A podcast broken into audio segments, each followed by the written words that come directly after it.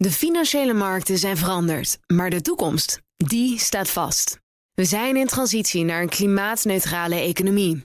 Dit biedt een van de grootste investeringskansen van onze generatie. Een kans voor u om mee te groeien met de pioniers van morgen. Meer weten? Ga naar carbonequity.com. Carbon Equity. Do good by investing better.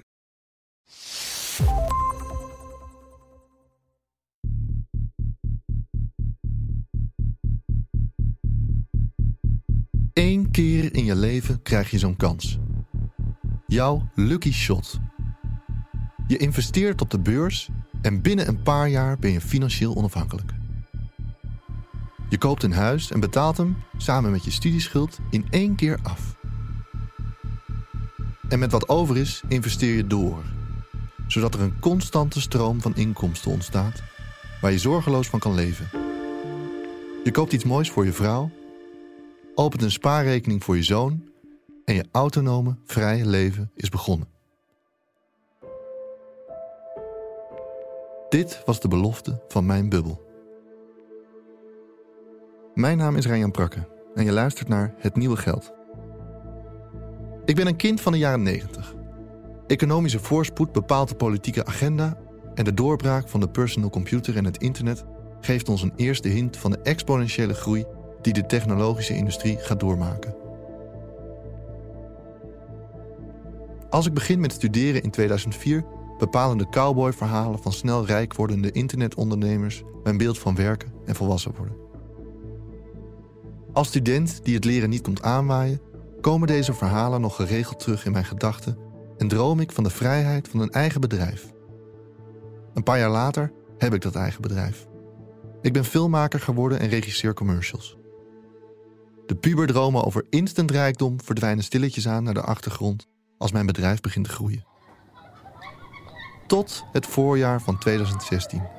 Ik ben dan 30 jaar oud. Op een grijze zaterdagmiddag sta ik op een kleinschalige tuinborrel in de Vogelenbuurt in Utrecht.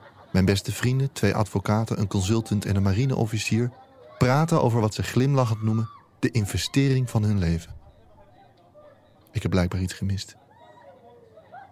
De vrouw van een van de advocaten zit in de fintech en heeft ze er onlangs op gewezen.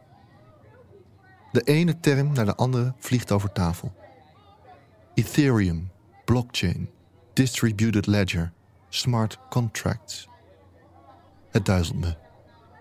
En een inleg die zou zomaar 80 keer over de kop kunnen gaan. Die zondag struin ik urenlang op het internet naar filmpjes over blockchain en Ethereum en raak in een kinderlijke extase. Dit is mijn lucky shot. Maandagochtend spreek ik, hyperactief van mijn ontdekking, mijn compagnon in het bedrijf en we besluiten nog diezelfde ochtend allebei 3000 euro aan Ethereum te kopen. Weken, zo niet maanden, gaan er voorbij zonder dat er iets gebeurt. Sterker nog, een half jaar later is de beurswaarde gehalveerd. Twee van de vier vrienden trekken zich terug. Die hebben, slim als ze zijn, op een piek in de volatiele beurs nog net hun initiële investering eruit kunnen halen. Maar dan, enkele maanden later, wordt het onwerkelijke werkelijkheid. This is CNN breaking news. Bitcoin. Bitcoin. Bitcoin. Bitcoin. Bitcoin. Bitcoin. While Bitcoin gets most of the attention, there's another player taking over the digital currency world, Ethereum. To put things into perspective, Bitcoin's value briefly tripled this year. Ethereum's value has run up a few thousand percent. In een speculatieve jongensdroom zie ik de beurs omhoog schieten. Mijn inleg gaat in een tijdbestek van een jaar inderdaad 80 keer over de kop en het lijkt nog lang niet op te houden. Nieuwsmedia over de hele wereld doen verslag van de rise of the cryptocurrency. Winsten van 5000, soms wel 10.000 euro per dag zijn de laatste weken eerder regel dan uitzondering. Op dit moment begin ik de mensen om mij heen, waaronder mijn moeder en mijn broer, van investeringsadvies te voorzien. Misschien heb ik hier wel gewoon talent voor. Op oudjaarsavond 2017 zitten we met dezelfde groep vrienden aan tafel. Het moet toch een gek idee zijn, hoor ik mezelf nog zeggen. Dat volgend jaar aan deze tafel een aantal van ons gewoon multimiljonair is. If you think the Dow had a bad day, Bitcoins was worse. The price is now hovering around $7,000. So dramatic over the recent weeks, several major banks in the UK and in the US are making moves to block customers from buying the cryptocurrency with their credit cards. As far as the latest fall is concerned, it's still the biggest in the short Bitcoin history. Op mijn Twitter-tijdlijn zie ik een grafiek voorbij komen. De Wall Street Cheat Sheet visualiseert de marktpsychologie in alle fases van een bubbel. De Euphoria Stage zie je op de piek van de parabool. I'm a genius and we're all going to be rich staat ernaast. Waar heb ik dat eerder gehoord? Fear of missing out en hebzucht hebben zojuist in een paar maanden tijd vrijwel al mijn opgebouwde virtuele vermogen van 240.000 euro doen verdampen. Na maandenlang vliegen kom ik weer met beide benen op de grond. En een verlies dat aanvankelijk voelt als een constante steen op mijn maag, zet zich om in een drive om te doorgronden wat me is overkomen. Waar een bubbel is gebarsten, is een zaadje geplant. Was ik tot een half jaar geleden alleen maar ongefundeerde price forecasts op YouTube aan het kijken, komt er nu een lust naar kennis in mij naar boven die ik in mijn studententijd nooit heb ervaren. Voor het eerst in mijn leven word ik getriggerd om na te denken over een van de meest vanzelfsprekende, fundamentele aspecten van mijn eigen leven. Geen hypothetische vraagstukken en oplossingen voor een baan voor later, maar kennis die ik toe kan passen in het hier en nu. Wat is geld? Hoe ontstaat een prijs? Waarom is goud waardevol? Mijn aandacht verschuift in die tijd naar Bitcoin, de bakermat van alle cryptocurrencies. Welcome to the What Bitcoin Did podcast. Audible Studios presents The Bitcoin Standard. Door te leren over dit digitale monetaire systeem dat is opgebouwd vanuit een totaal andere ideologie dan de onze, leer ik tegelijkertijd hoe ons eigen monetaire systeem in elkaar zit. Zodoende stuit ik op talloze vragen. Moeten we een economisch systeem willen waarbij we afhankelijk zijn van groei? Is ons op schulden gebaseerde systeem houdbaar op de lange termijn? En waarom is deflatie slecht als het in feite de koopkracht vergroot? Welkom op dit college over economie. Twee jaar lang luister ik ongeveer twee uur per dag naar podcasts, audioboeken en hoorcolleges. Eerst alleen over Bitcoin, maar steeds vaker over macro-economie en monetaire geschiedenis. Het betoogt dat er de noodzaak is van een alternatieve macro-economie. Waren de DNB, de ECB en het IMF jarenlang vage, ongrijpbare begrippen uit de krant? Begin ik nu daadwerkelijk iets te begrijpen van de keuzes die er gemaakt worden. Ik schrik daarbij van de impact die deze beslissingen hebben. Van hoe politiek die zijn en hoe weinig mensen dat lijkt te interesseren. Honderden miljarden euro's zijn er in het afgelopen decennium bijgedrukt, wat in feite een verborgen, ondemocratische vorm van belastingheffen is, en niemand op straat die zich er druk over maakt. Geen politicus die op de barricade gaat staan. Waarom? Waarom hebben economen ons niet gewaarschuwd voor de grootste financiële crisis sinds de jaren 30? Zagen ze het niet aankomen? En hoe kan dat? Economen gaan uit van rationeel denkende mensen en ze baseren zich vaak op wiskundige modellen. Maar kun je de werkelijkheid wel reduceren tot een model? Rethinking Economics, een wereldwijde beweging van economen, wil dat het economieonderwijs drastisch wordt gewijzigd. Op internet kom ik een buitenholfragment tegen uit 2015, waarin jonge Nederlandse economen onder leiding van Joris Tieleman de noodklok luiden omdat het voltallige Nederlandse economieonderwijs louter en alleen belicht wordt vanuit het mainstream neoclassieke paradigma, waarbij de modellen en cijfers op een voetstuk staan. Maar economie is geen exacte wetenschap. Hierdoor vormen zaken als psychologie, ecologie en politiek nauwelijks een onderdeel van de studie en worden nieuwe theorieën en technologieën zoals Bitcoin niet als volwaardig aangezien. Generaties aan Nederlandse economen en waarschijnlijk ook politici, beleidsmakers en journalisten zijn dus met een vorm van tunnelvisie opgeleid. Is het voor hen dan überhaupt mogelijk om een systeemverandering voor te stellen? Central banks around the world have injected money into the economy at a record pace to try to fight a global recession triggered by the coronavirus pandemic. In a perfect world, governments would pay all their bills using taxes and investments. Few can. To fill the gap, they sell bonds with a promise to pay back the value of the bond with interest. There are plenty of examples when countries would not or could not fulfill those promises.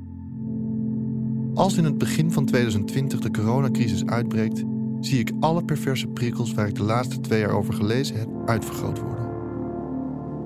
Tegelijkertijd valt mijn werk weg. Moet ik ineens fulltime op mijn kinderen passen en moet mijn vrouw, die in de zorg werkt, overuren maken. Mijn leven staat, net als die van vele anderen, ineens op zijn kop. Is het onheimische gevoel wat ik heb een logisch gevolg van de sociale onrust die past bij een epidemie van deze schaal? Of zie ik de dingen goed en maak ik me terecht zorgen over de economische situatie die nu ontstaat? De acute depressie maakt dat centrale banken direct op ongekend tempo geld creëren. En zoals ik het nu zie, niet om bedrijven en werknemers te redden, maar puur omdat we collectief te diep in de schulden zitten en niet aan onze betalingsverplichtingen kunnen voldoen als onze schuld en de rente die we erover betalen zijn waarde behoudt.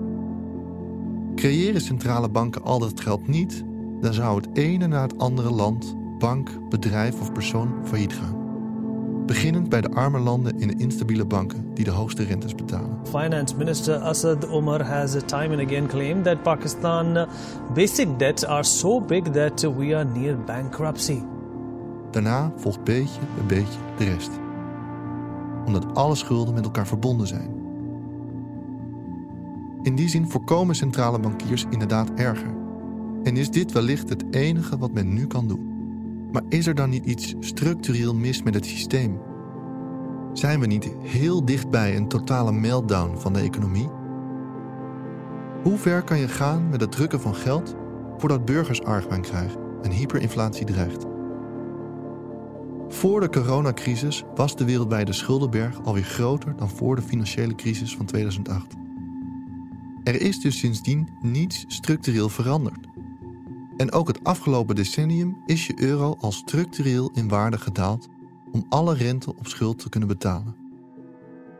Als een tegenreactie op wat er misgaat in ons geldstelsel is Bitcoin in 2009 in de wereld geholpen om gezond, waardevast geld te creëren, waarbij de macht van het creëren van dat geld niet meer bij bankiers en politici komen te liggen, maar tot in de eeuwigheid vaststaat in een wiskundige formule.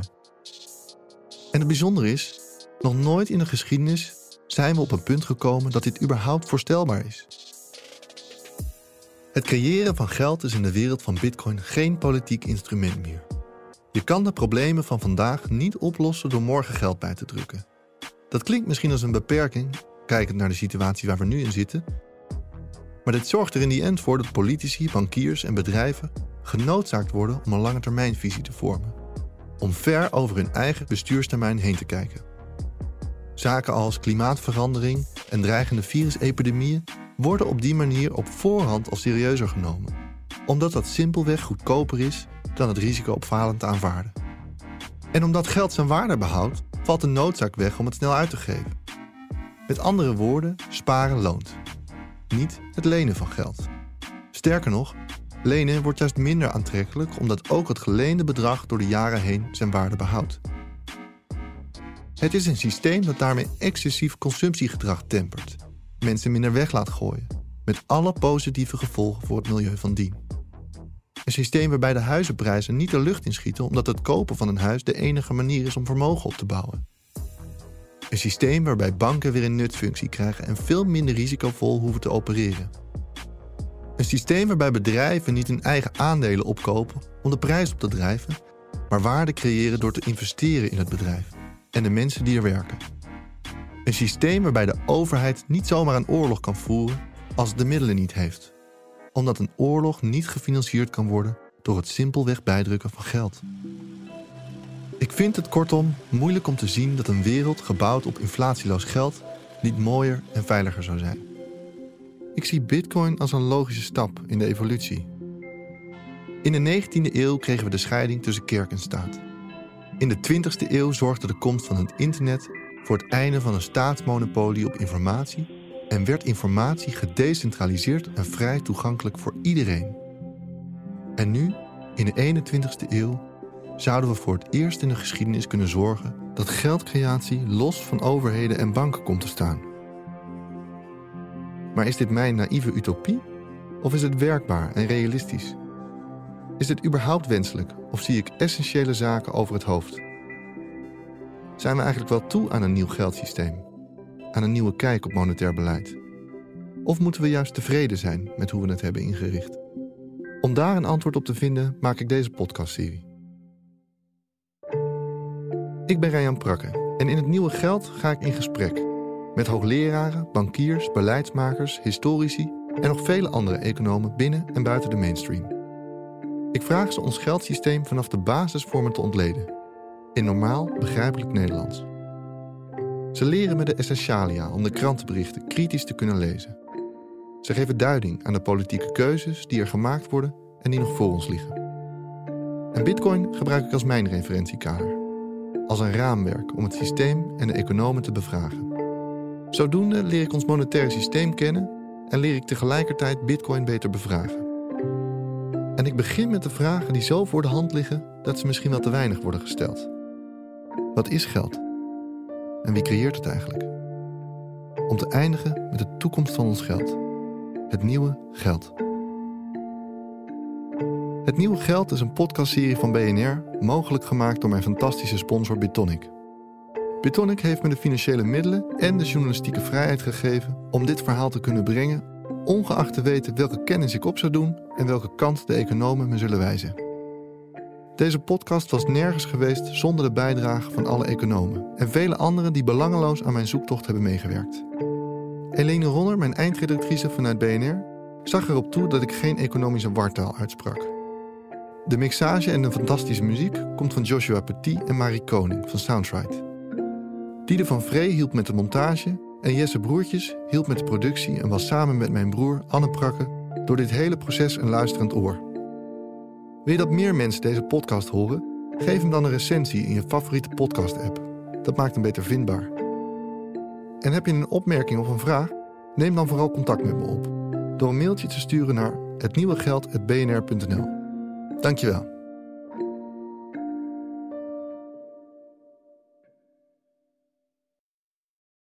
De financiële markten zijn veranderd, maar de toekomst, die staat vast.